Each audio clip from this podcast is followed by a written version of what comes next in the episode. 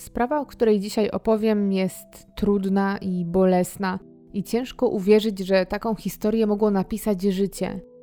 To, co wydarzyło się w 2006 roku w małej miejscowości na Dolnym Śląsku, to dramat, który dotknął całą rodzinę, ale i całą tamtejszą społeczność. Zachwiał w niektórych wiarę w drugiego człowieka, wiarę w rodzinne więzy czy wiarę w człowieczeństwo. To historia, która nie chce wyjść z głowy i której nie sposób zrozumieć, bo tak bardzo wykracza poza wszelkie normy społeczne. W dzisiejszym odcinku poznacie dramat trzech osób, dramat o współczesnej balladynie.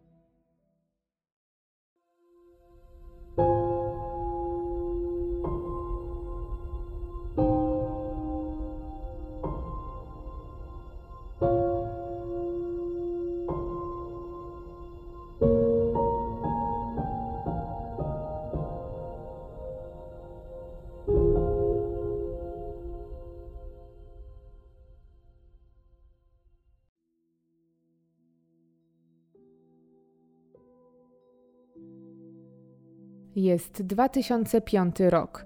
Beata ma 16 lat i mieszka we wsi Sławków na Dolnym Śląsku. Nie jest to duża wieś, ale bardzo urokliwa. W jej centrum znajduje się przepiękny krajobrazowy park ze starymi dębami, a także zabytkowe i okazałe opactwo cystersów.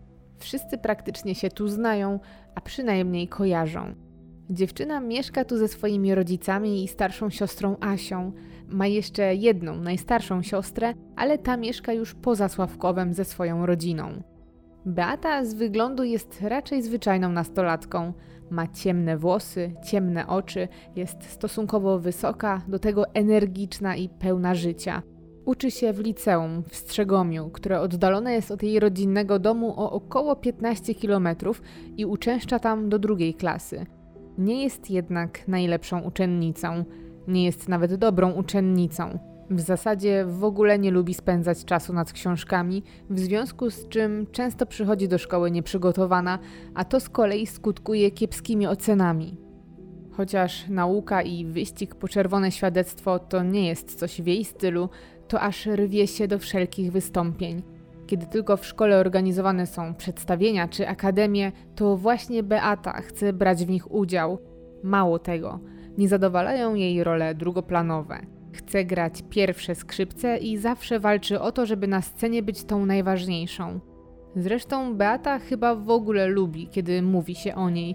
W okolicy rzeczywiście na jej temat aż huczy od plotek, które nie są do końca miłe, Mówi się, że dziewczyna jest specyficzna, że ma zepsuty charakter, ale też, że interesuje się starszymi mężczyznami. Dom Beaty i jej rodziny znajduje się na uboczu wsi, na samym jej skraju. To typowe, stare po niemieckie budownictwo, ale rodzice włożyli dużo pieniędzy w remont, żeby budynek odnowić.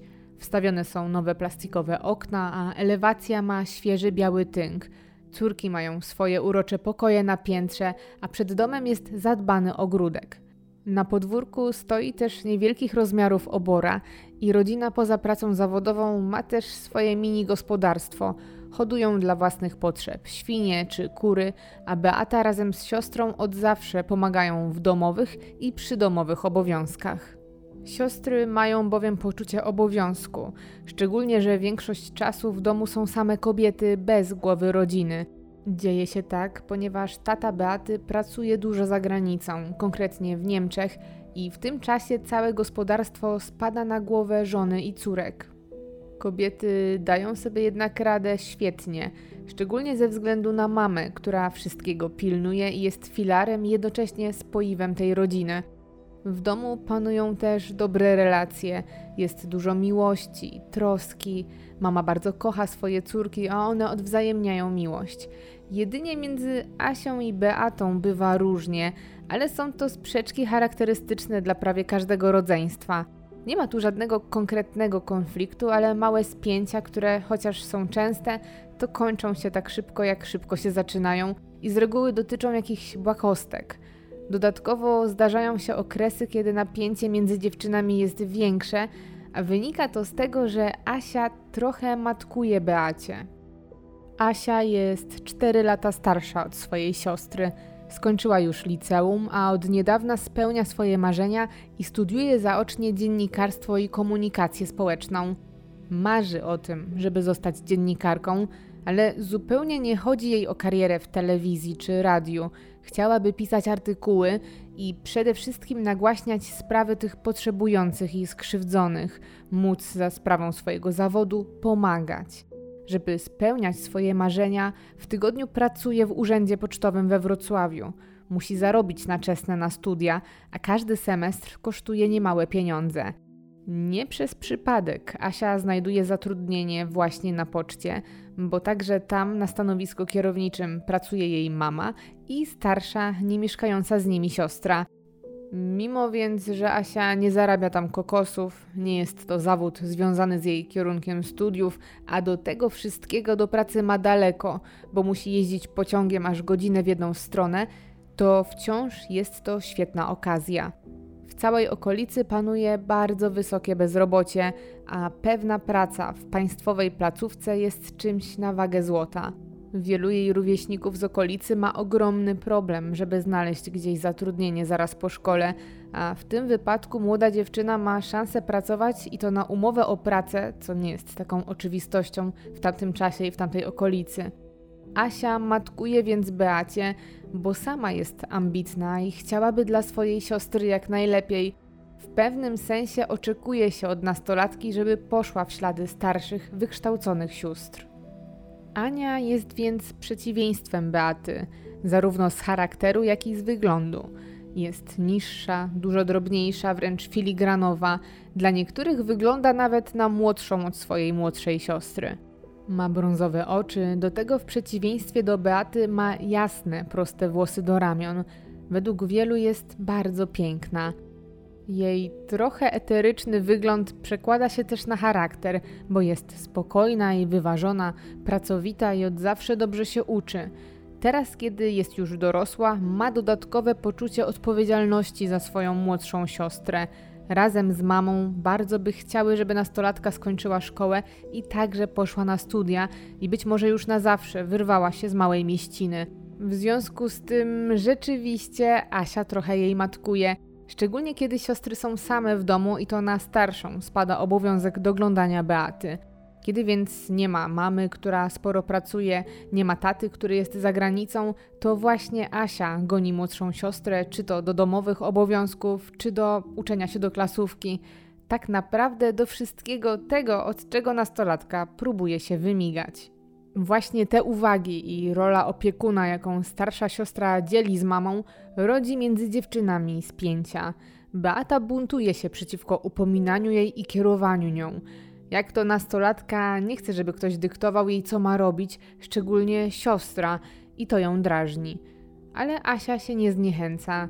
Zdaje sobie sprawę, że taka jest chyba kolej rzeczy. Chce po prostu jak najlepiej dla swojej młodszej siostrzyczki. Nie chce, żeby pakowała się w kłopoty i jednocześnie chce oszczędzić ewentualnych smutków mamie, która już i tak ma dużo na głowie. Mimo sprzeciwu i wielu utarczek, studentka robi swoje. Jest listopad 2005 roku. Asia i młodsza Beata spędzają popołudnie w okolicznej karczmie, kiedy do środka wchodzi młody mężczyzna. Tym mężczyzną jest Dawid, 25-letni chłopak, który mieszka w sąsiedniej wsi. Dawid to były chłopak Asi, z którym rozstała się już jakiś czas temu. Dziewczyna jest zaskoczona, że go widzi, bo wie, że nie było go w okolicy od dawna – Wyjechał wiele miesięcy temu za granicę do pracy, a teraz przypadkowo spotykają się właśnie tutaj. Mimo wszystko Asia cieszy się, że go widzi. Para zupełnie nie żywi do siebie urazy, rozstali się w przyjacielskiej atmosferze. Witają się i rozmawiają po dłuższym okresie niewidzenia. Przy okazji Asia przedstawia Dawidowi swoją siostrę Beatę, której ten jeszcze nie miał okazji poznać. To niepozorne, przypadkowe spotkanie okazuje się być przełomowym momentem w życiu całej tej trójki. Dawid wraca do okolicy na dłużej, a także od samego początku wpada w oko Beacie i to ze wzajemnością. Nastolatka zaczyna spotykać się z byłym chłopakiem swojej siostry. 16-letnia Beata i 9 lat starszy Dawid najpierw coraz częściej gdzieś razem wychodzą i spędzają wolny czas, aż w końcu zaczynają tworzyć związek. Relacja między tą dwójką trwa i rozkwita, szczególnie po nowym roku, chociaż przed rodzicami Beata utrzymuje, że jest to relacja koleżeńska, chociaż nie jest to prawdą. W rzeczywistości para jest ze sobą bardzo blisko i na pewno są czymś więcej niż koleżanką i kolegą. Związek młodziutkiej Beaty, mimo że jeszcze bardzo świeży, jest też burzliwy. Wynika to przede wszystkim z tego, że nastolatka jest niezwykle zaborcza i zazdrosna o swojego nowego chłopaka. W zasadzie chciałaby, żeby ten spędzał z nią każdą wolną chwilę i najlepiej nie miał żadnych znajomych poza nią. Ale tu rodzi się problem, bo Dawid jest osobą towarzyską, lubi spotykać się z koleżankami i kolegami, szczególnie, że długo nie było go w kraju i teraz chce nadrobić i odświeżyć poluzowane znajomości. Beata głośno się temu sprzeciwia. Uważa, że to ich związek i ich miłość powinien stawiać na pierwszym miejscu, a nie zamiast niej wybierać kolegów. Dziewczyna żąda wręcz spotykania się tylko z nią, albo przynajmniej w jej towarzystwie. Zazdrość Beaty jest tak duża, że dziewczyna nie ufa żadnej kobiecie w otoczeniu chłopaka, nawet własnej siostrze. Nie pomaga też fakt, że Dawid i Asia utrzymują koleżeńskie i zupełnie normalne relacje. Nie żywią do siebie urazy i po prostu się lubią, a to, że chłopak spotyka się z jej młodszą siostrą, nie stanowi problemu. Dodatkowo, jako że Asia i Beata mieszkają w jednym domu, to Dawid często w nim bywa i tak samo często wpada na swoją byłą już, z którą zawsze porozmawia czy spędzi krótką chwilę sam na sam. Beata nie może tego przełknąć. Czuje się zagrożona, a złość i zazdrość dosłownie ją rozsadzają. Kłótni jest coraz więcej, a konflikt z siostrą narasta. Co istotne, jest to konflikt jednostronny, bo ze strony Asi zupełnie nic się nie zmieniło i wydaje się nawet, że nie wie, że siostra może mieć o coś do niej pretensje. Nadchodzi maj 2006 roku. To już kolejny miesiąc, który Beata i Dawid spędzają razem jako para. Maj zaczyna się też majówką, rozpoczyna się sezon grillowy i maraton licznych imprez w plenerze. Na jedną z takich wybiera się para zakochanych. Na spotkaniu jest dużo znajomych Dawida, są zarówno jego koleżanki, jak i koledzy. 25-latek dobrze się bawi, rozmawia z różnymi ludźmi, a to wystarcza, żeby Beata miała całkowicie zepsuty humor i żeby znowu zaczęły targać nią silne emocje. Czuje się urażona i postanawia niejako zagrać na nosie swojemu chłopakowi. Prawdopodobnie chce wzbudzić w nim zazdrość i zwrócić na siebie uwagę, dlatego zaczyna flirtować z innymi obecnymi na tej samej imprezie mężczyznami, kolegami Dawida. Atmosfera robi się dziwna, bo koledzy, do których nastolatka wysyła dwuznaczne sygnały, doskonale wiedzą, że jest przecież w związku z ich kolegą. Zaczepiani mężczyźni czują się niezręcznie i zupełnie nie są zainteresowani. Mimo tego Beata zdaje się osiągnęła cel, bo Dawid zwraca uwagę na to, co się dzieje i zdecydowanie mu się to nie podoba. Znajomi są zdziwieni zachowaniem dziewczyny ich przyjaciela. Biorą go na bok i mówią mu, że to nie jest normalne zachowanie i że powinien zastanowić się, czy ten związek ma przyszłość i że ich zdaniem powinien dać sobie spokój z Beatą, o której nie mają zresztą dobrego zdania. Między parą dochodzi do sprzeczki, bo nie ma wątpliwości, że nastolatka wszystko zrobiła na pokaz, ale cel osiągnęła. Ostatecznie opuszczają towarzystwo w kiepskich humorach, a to jeszcze nie koniec atrakcji na dzisiaj. Beata ma dla Dawida bardzo ważną informację, którą musi podzielić się i to natychmiast. Oznajmia swojemu chłopakowi, że jest z nim w ciąży. Dawid jest w szoku i z początku nie dowierza. Dopytuje, czy na pewno jej się nie wydaje, ale Beata jest pewna, że się nie myli, bo była u lekarza ginekologa, który potwierdził jej stan. Mało tego, ma nawet dowód na swoje słowa – Wyciąga zdjęcie z badania USG, które przedstawia wczesną ciążę. Do Dawida dopiero wtedy dociera powaga sytuacji i to, że nie jest to żart.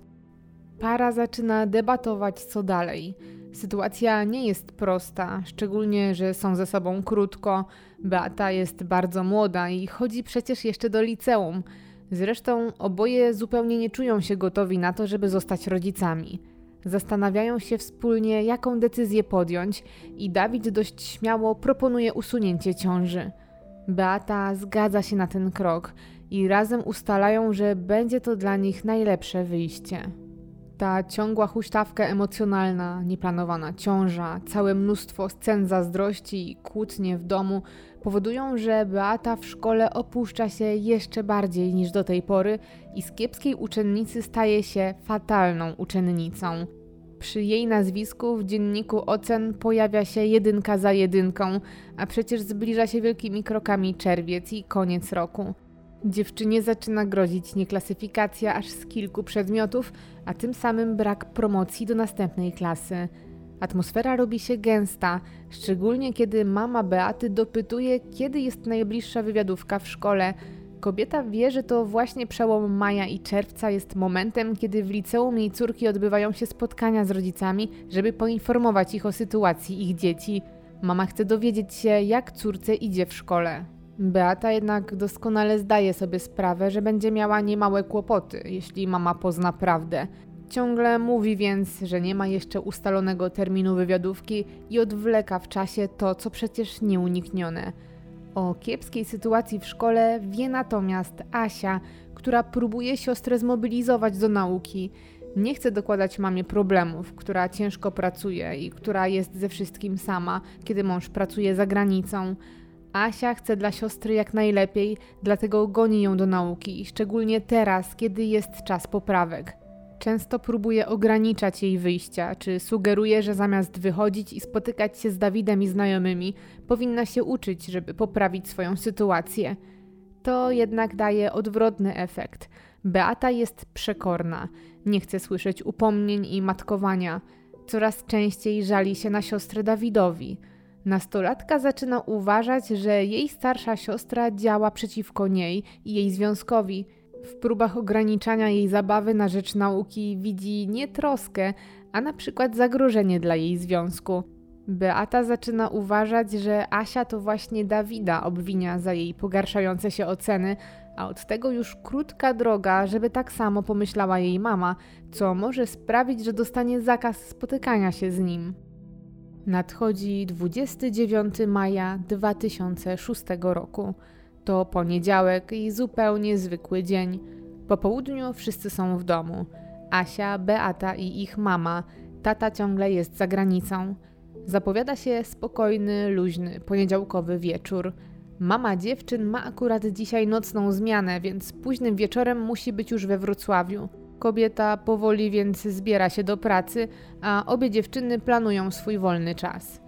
Kiedy mama wychodzi, żeby udać się na pociąg, Beata i Asia razem zasiadają przed telewizorem, a jakiś czas później pojawia się też Dawid. Wszyscy spędzają czas razem na wspólnym oglądaniu filmu. Asia jednak nie siedzi z nimi długo. Po jakimś czasie żegna się z dwójką zakochanych i idzie do siebie do pokoju, żeby położyć się spać. Z samego rana musi być we Wrocławiu w pracy. Wstaje około piątej nad ranem i chce kupić sobie jak najwięcej godzin snu. Na odchodne prosi tylko, żeby nie siedzieli za długo, bo młodsza siostra musi wstać jutro do szkoły. Beata i Dawid zostają więc w salonie sami. Mija kilka długich godzin. To już wtorek 30 maja, piąta rano. Z Wrocławia, z placówki pocztowej do Asi dzwoni mama – mają swój zwyczaj, że mama, jeśli oczywiście może, zawsze sprawdza, czy córka wstała do pracy i czy przypadkiem nie zaspała. Jest niejako jej budzikiem. Tak jest też tym razem. Kobieta właśnie skończyła pracę i może wykonać telefon. Zgodnie ze zwyczajem dzwoni, a Asia odbiera. Dziewczyna informuje mamę, że już wstała i że zaczyna przygotowywać się do wyjścia. Mama więc, spokojna, że córka nie zaśpi, udaje się na pociąg i wraca do domu. Nadchodzi wieczór. Młodsza córka jest już w domu po szkole, natomiast Asi ciągle nie ma. Mama zaczyna się niepokoić, bo powinna wrócić już jakiś czas temu, a w razie czego nie dała znaku, że ma jakieś inne plany. Kobieta dzwoni więc na telefon córki, ale ten nie odpowiada. Jeszcze czeka jakiś czas, po czym postanawia sprawdzić w urzędzie pocztowym, miejscu pracy ich obu, o której Asia opuściła pracę i czy wszystko jest w porządku. Kiedy jednak dzwoni na miejsce, jest bardzo zdziwiona. Okazuje się, że jej córki wcale nie było dzisiaj w pracy, w ogóle do niej nie dotarła i na dodatek nie dała znaku, że się nie pojawi.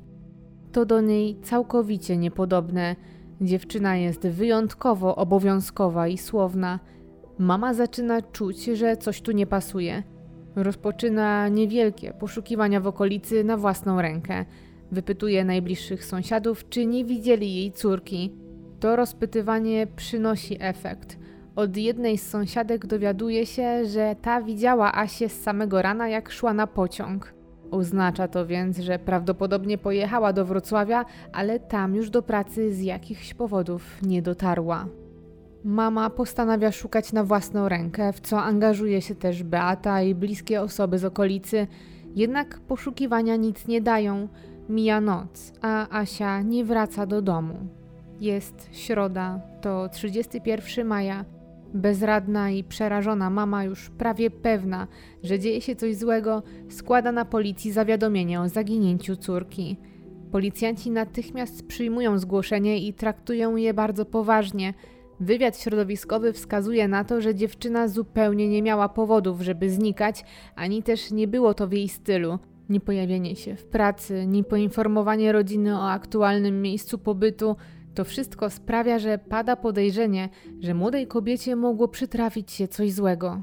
Działania toczą się kilkutorowo. Przesłuchiwani są wszyscy ewentualni świadkowie i bliscy, trwają prace poszukiwawcze w terenie, a także rodzina sama organizuje swoje poszukiwania na własną rękę. Od drzwi do drzwi chodzą rodzice i siostry Asi. Pokazują jej zdjęcia, pytają o nią. Widać, że wszyscy są przestraszeni. Policjanci przesłuchują też sąsiadów i niestety poza kobietą, która widziała studentkę idącą na stację z rana, nikt więcej jej nie widział.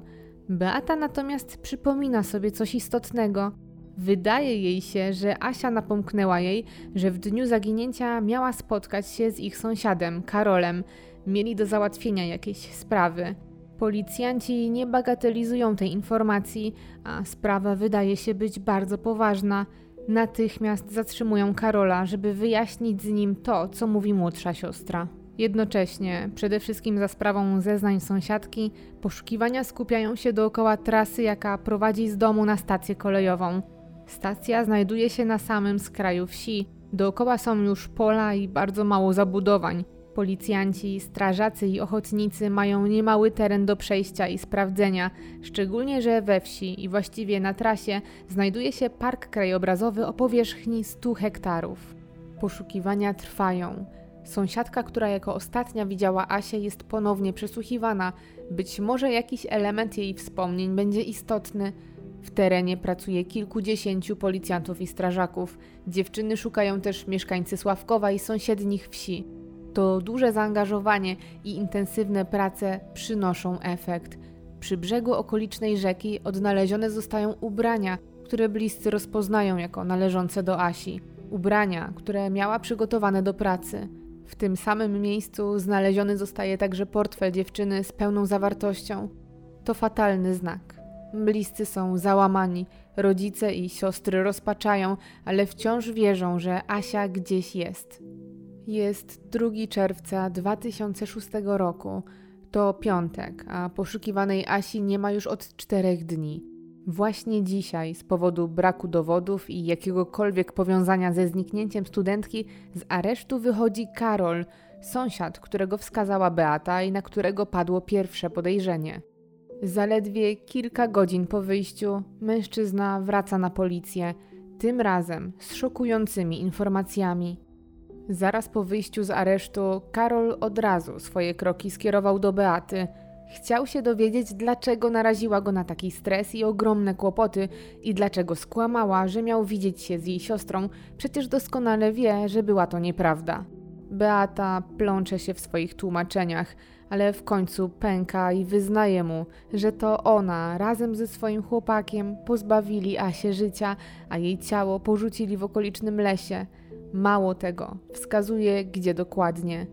Młody mężczyzna czuł, że coś tu nie gra, ale takiej odpowiedzi zupełnie się nie spodziewał. Jest w szoku i żąda od Beaty, żeby do wszystkiego się przyznała. Ostatecznie sam zgłasza śledczym to, czego przed chwilą się dowiedział. Funkcjonariusze dają wiarę słowom sąsiada. Udają się w miejsce, które Karolowi wskazała Beata. W lesie, kilka kilometrów od rodzinnego domu, znalezione zostaje ciało młodej kobiety. To Asia. Jest naga i pobita. Na szyi ma liczne siniaki i wszystko wskazuje na to, że została uduszona. Jej ciało zawinięte jest w stary dywan. Bliscy Asi są zrozpaczeni. Nikt nie może uwierzyć, że coś takiego stało się w tej spokojnej okolicy. Nikt też nie może zrozumieć dlaczego i przede wszystkim kto to zrobił, chociaż śledczy już się domyślają, a wszystkie puzzle w tej układance teraz zdają się do siebie pasować. Do policjantów dociera, że będą musieli przekazać zrozpaczonym rodzicom kolejną tragiczną informację. Policjanci z gminy naradzają się, kto ma przekazać te najgorsze z najgorszych wieści. Ostatecznie sam komendant rusza do Sławkowa i informuje zrozpaczonych rodziców, że muszą zatrzymać ich nieletnią córkę Beatę ze względu na pewnego rodzaju niejasności i podejrzenia. Rodzice wpadają w gniew. Nie chcą wierzyć w to, co się dzieje, a tym bardziej w to, że ktoś w ogóle może pomyśleć, że to ich najmłodsza córka jest winna. Kiedy policjanci zabierają ze sobą siedemnastolatkę, mama odgraża się, że napisze na nich skargę. Jednego dnia świat tej rodziny dosłownie się zawalił. Do domu rodzinnego sióstr wkracza policja. Od momentu odnalezienia ciała pojawił się jeden istotny element dywan, w który zawinięte było ciało. Rozpoznany został jako pochodzący właśnie z domu rodziny. To niezwykle istotny trop podczas zbierania materiału dowodowego, bo z dużym prawdopodobieństwem wskazuje na to, że Asia musiała stracić życie nie w drodze na pociąg czy w okolicy lasu, ale we własnym domu. Śledczy kierują więc swoje kroki na skraj wsi do poniemieckiego zadbanego budynku. Tam technicy kryminalistyki rozpoczynają pracę i znajdują świeże ślady krwi, które ktoś ewidentnie próbował zetrzeć, ale nie udało mu się to w stu procentach. Technicy odnajdują bardzo drobne mikroślady, które, jak się okazuje, z całą pewnością należą do Asi. Beata i Dawid, zaledwie kilka godzin po odnalezieniu ciała młodej studentki dziennikarstwa, zostają aresztowani. Para trafia do aresztu, a tam zostają przesłuchani. Śledczy wypytują ich równolegle i konfrontują z materiałem dowodowym, który nie pozostawia wątpliwości. Bardzo szybko więc zarówno 17-latka, jak i 25-latek przyznają się, że wspólnie pozbawili dziewczynę życia.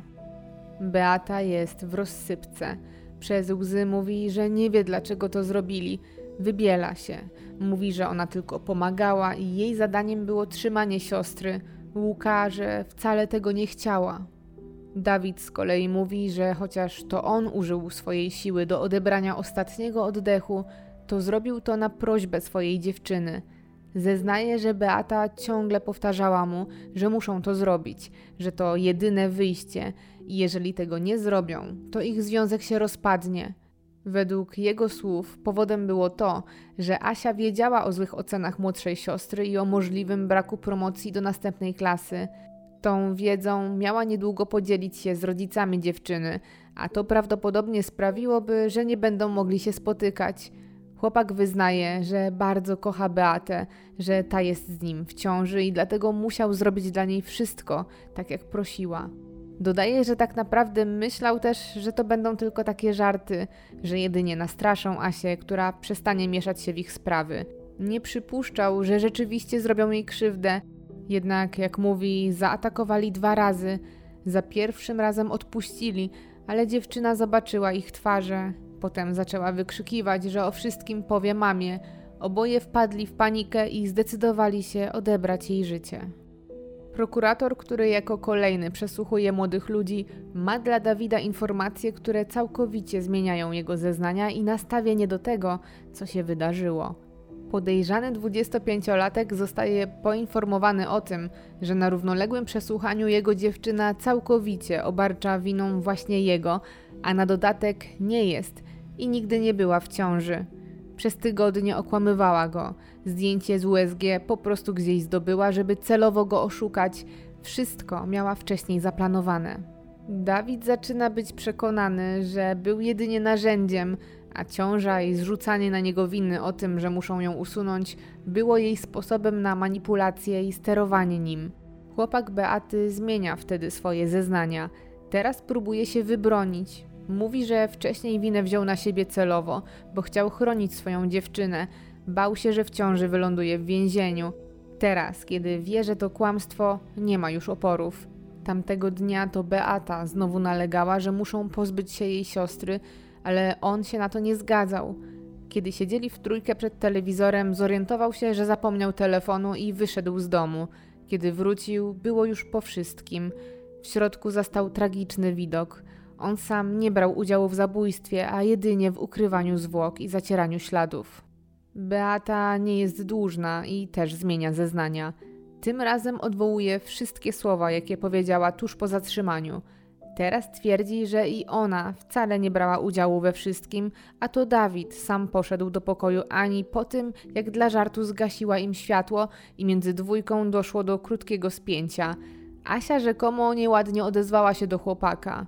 Beata zeznaje, że ten dosłownie się wściekł i wpadł w furię. Ona została w salonie sama, a jej ukochany wyszedł za jej siostrą. Po jakimś czasie usłyszała dziwne dźwięki dochodzące z pokoju na piętrze. Poszła sprawdzić, co jest ich źródłem i odnalazła Dawida i swoją siostrę leżącą na ziemi. Była martwa. Przerażona tym, co się stało i widokiem swojego chłopaka w amoku, pomogła zacierać ślady zbrodni w obawie o własne życie. Po zgromadzeniu zeznań podejrzanych, porównaniu ich ze sobą i przeanalizowaniu materiału dowodowego, dla śledczych tworzy się czytelny obraz tego, co wydarzyło się 29 maja 2006 roku. Maj to miesiąc pełen konfliktów, złości i żalu. Beata dużo kłóci się z Dawidem i siostrą, a kumulacja tej napiętej atmosfery następuje, kiedy zbliża się dzień wywiadówki w szkole. Beata w tym czasie robi się coraz bardziej tkliwa i spięta, a wynika to z tego, że jej oceny są wręcz fatalne. Nie ma zaliczeń z kilku przedmiotów, a koniec roku jest bardzo blisko.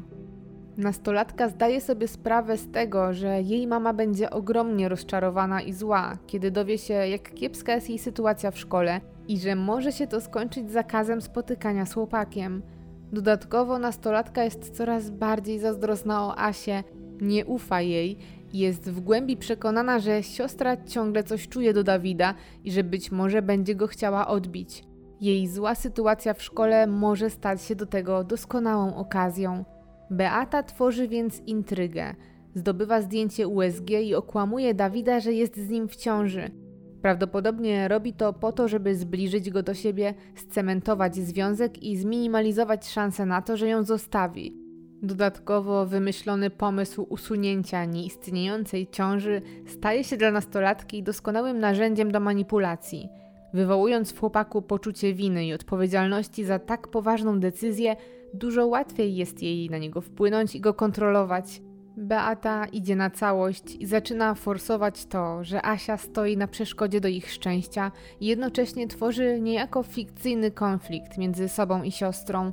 Asia z kolei myśli, że to zwykłe sprzeczki w rodzeństwie, które akurat teraz są bardziej nasilone, jako że często goni młodszą siostrę do nauki, ale w rzeczywistości w nastolatce rosną coraz większe emocje z każdym upomnieniem, że powinna się uczyć, za każdym razem, kiedy widzi, jak Asia rozmawia z Dawidem, staje się coraz bardziej rozżalona. W okolicach swoich 17 urodzin zaczyna przekonywać Dawida do tego, że muszą pozbyć się jej siostry i że to jedyne wyjście na rozwiązanie problemów i na uniknięcie kłopotów. Beata w swoim planie wymyśla też, że jeżeli rodzice dowiedzą się, że Asia zaginęła lub nie żyje, to odwróci to uwagę od jej kiepskich stopni w szkole. W obliczu takiej tragedii jej oceny staną się przecież dla rodziców błahym problemem, co brzmi absolutnie bezdusznie. Z początku wydawało się też, że motywem może być informacja o ciąży i o tym, że być może Asia mogła zdradzić sekret młodszej siostry. Jednak według wywiadu środowiskowego rzekoma ciąża nie była tajemnicą, a wręcz przeciwnie – Beata podobno oszukiwała nie tylko chłopaka. Opowiadała o swoim wymyślonym stanie praktycznie każdemu. Beata i Dawid razem planują wszystko. Wiedzą, że to zrobią, muszą tylko znaleźć okazję. Ta okazja nadarza się 29 maja. To właśnie dzisiaj wszystko sprzyja, żeby dokonać planu. Tata jest za granicą, mama wychodzi wieczorem i wróci dopiero nad ranem. Mają więc cały wieczór i całą noc na dokonanie zabójstwa i pozbycie się ciała. Wieczór wygląda zupełnie normalnie. Mama dziewczyn wychodzi, siostry zasiadają przed telewizorem, a jakiś czas później dołącza do nich Dawid. W trójkę spędzają czas, oglądają telewizję, rozmawiają. Nic nie zapowiada nadchodzącej tragedii. Asia jednak musi iść wcześniej spać. Para o tym wie, bo znają jej zwyczaje i wiedzą, że z reguły wstaje bardzo wcześnie rano. Czekają więc na moment, w którym pójdzie spać, bo śpiącą dziewczynę będzie przecież dużo łatwiej zaskoczyć. Końcu Asia zaczyna się zbierać do snu. Wstaje z kanapy, kieruje się do swojego pokoju. Na odchodne mówi jeszcze z troską do Dawida, żeby nie siedział z jej siostrą zbyt długo, bo nastolatka musi się wyspać jutro przed szkołą. Atmosfera jest zupełnie normalna, wręcz pozytywna. Asia nawet dla żartu gasi im światło w pokoju i idzie do siebie. Przebiera się w piżamę, kładzie do łóżka i niedługo później zasypia. Ale Beata i Dawid wcale nie mają zamiaru oglądać telewizji. Odczykują, aż dziewczyna zaśnie i kiedy są już pewni, że śpi, skradają się do jej pokoju. Dawid w rękach trzyma koc. Ustalają, że to on jest silniejszy, więc będzie dusił, a ona będzie trzymać. Po cichu wchodzą do pokoju i wcielają w życie to, co wcześniej ustalili i o czym rozmawiali tyle razy. Dawid narzuca koc na twarz śpiącej Asi. Beata łapie ją za nogi i z całych sił przytrzymuje. Asia momentalnie się budzi i instynktownie zaczyna się bronić. Używa wszystkich swoich sił, wyrywa się, krzyczy o pomoc. Po krótkiej szamotaninie cała trójka spada z łóżka na podłogę. Wtedy Asia widzi, kim są jej oprawcy i nie może wyjść z szoku. Przestraszeni obrotem sytuacji napastnicy wybiegają z pokoju i uciekają do kuchni. Zaraz za nimi pojawia się wściekła i jednocześnie przerażona Asia. Przez łzy wykrzykuje, że nie daruje im tego, co zrobili i że takie żarty nie są ani trochę śmieszne. Jutro od razu o wszystkim poinformuje ich mamę. Nie spodziewając się, że to całe zajście było czymś więcej niż żartami. Zupełnie nieświadoma zagrożenia, wraca do swojego pokoju i próbuje zasnąć. W tym samym czasie Beata i Dawid naradzają się co dalej. Czują, że nie ma już odwrotu. Muszą skończyć to, co zaczęli, szczególnie, że Asia grozi teraz, że wszystko powie ich mamie i pewnym jest, że będą mieli kłopoty. Nastolatka naciska, powtarza, że przecież jej obiecał, że to zrobi. Muszą dokończyć. Z tym samym planem, ale z większą agresją i determinacją, wracają do pokoju Asi. Znowu Dawid zaczyna dusić dziewczynę kocem. Beata trzyma, ale teraz oboje są nieustępliwi i absolutnie bezwzględni. Już nie tylko trzymają, ale i biją. Asia nie ma szans. Odpuszczają dopiero, kiedy ich ofiara przestaje się ruszać. Sprawdzają puls, ale nie wyczuwają go. Osiągnęli cel. Mają jeszcze kilka godzin na pozbycie się ciała, zanim do domu wróci mama. Rozbierają ciało do naga i kładą je w korytarzu. Piżamy, pościel i ubrania do pracy wrzucają do jednego worka. Swoje ubrania z kolei wrzucają do prania.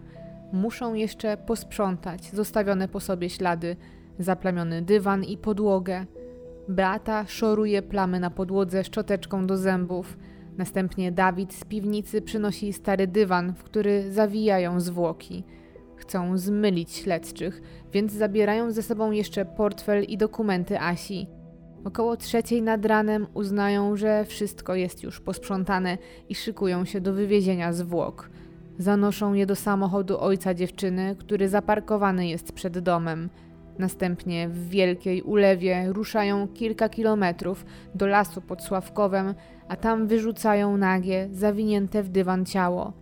Worek z piżamą i pościelą zakopują w lesie, a dokumenty i ubrania codzienne dla zmylenia tropu podrzucają gdzie indziej i wrzucają przedmioty do okolicznej rzeki. Po wszystkim wracają do domu, w którym wszystko się wydarzyło. Jest już prawie piąta nad ranem. To godzina, kiedy Asia miała wstawać do pracy. Nagle dzwoni telefon.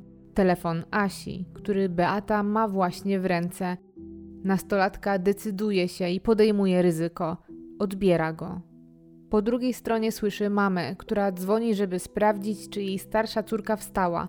Pyta, czy jest już obudzona i przypomina, że czas się zbierać. Nastolatka, jak gdyby nigdy nic, udaje Asię.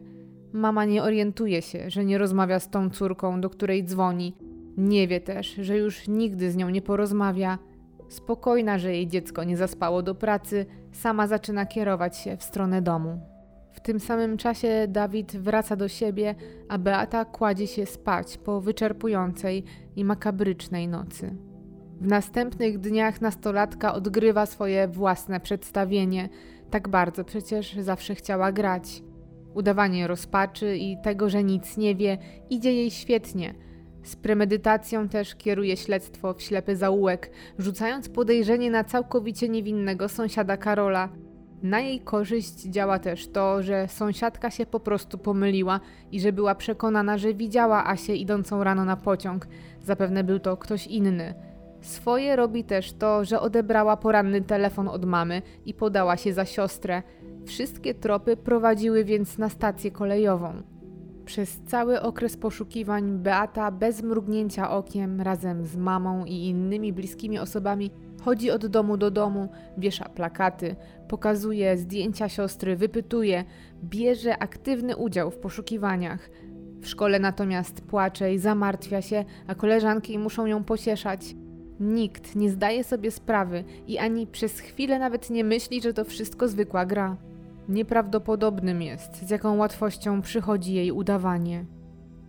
Jest 29 grudnia 2006 roku. Minęło dokładnie 7 miesięcy od tragicznego dnia.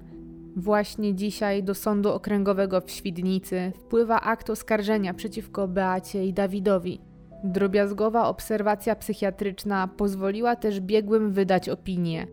Oboje byli całkowicie poczytalni w chwili popełnienia czynu. U nastolatki jednak stwierdzono nieprawidłową osobowość o skłonnościach psychopatycznych, a także odnotowano kilka zaburzeń psychicznych, które z całą pewnością mogły wpłynąć na jej psychikę. Biegli określili też Beatę jako osobę skłonną do wykorzystywania innych dla własnych celów i jako manipulantkę. Rusza proces. Jednym ze świadków jest mama sióstr. Kobieta nie wierzy w winę córki, jest przekonana, że za wszystkim stoi 25-letni chłopak, że słowa Beaty, że pomagała mu tylko dlatego, bo się go panicznie bała i że była w nim szaleńczo wręcz zakochana, to prawda. Gdy kobieta pytana jest, dlaczego więc Beata zgodziła się na to wszystko, dlaczego była świadkiem odebrania życia jej siostry i nawet nie zareagowała, mama podkreśla, że była przecież sama z mordercą w jednym domu. Jedyne co mogła zrobić, by ratować siebie, to mu pomóc. Ona jako matka wie, że właśnie tak było, bo tak powiedziała jej córka. Dawida określa mianem drania i tym, który wszystko zniszczył, przez którego straciła jednego dnia obie córki.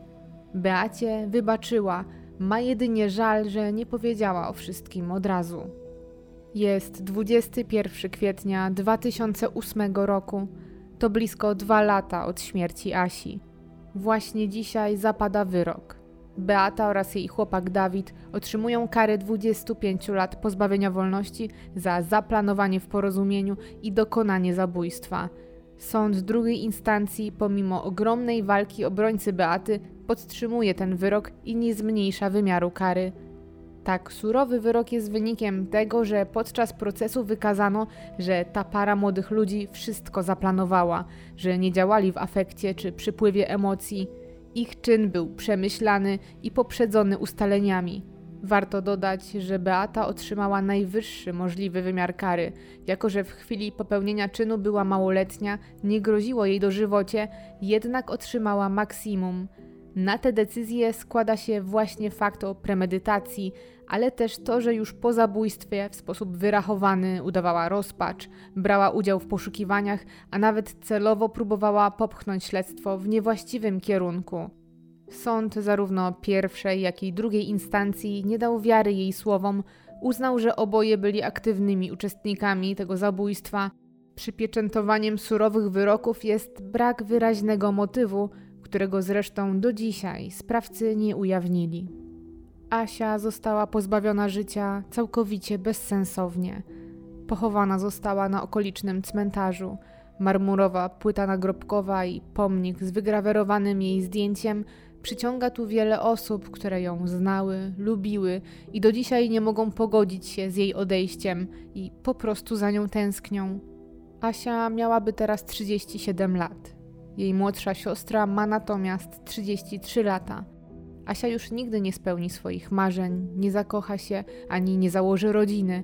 Beata natomiast wyjdzie z więzienia i stanie się wolnym człowiekiem za mniej niż 10 lat, ale ciężarem, który będzie musiała nosić w sobie już do samej śmierci, będzie to, że odebrała życie własnej siostrze, która jej ufała i która ją kochała.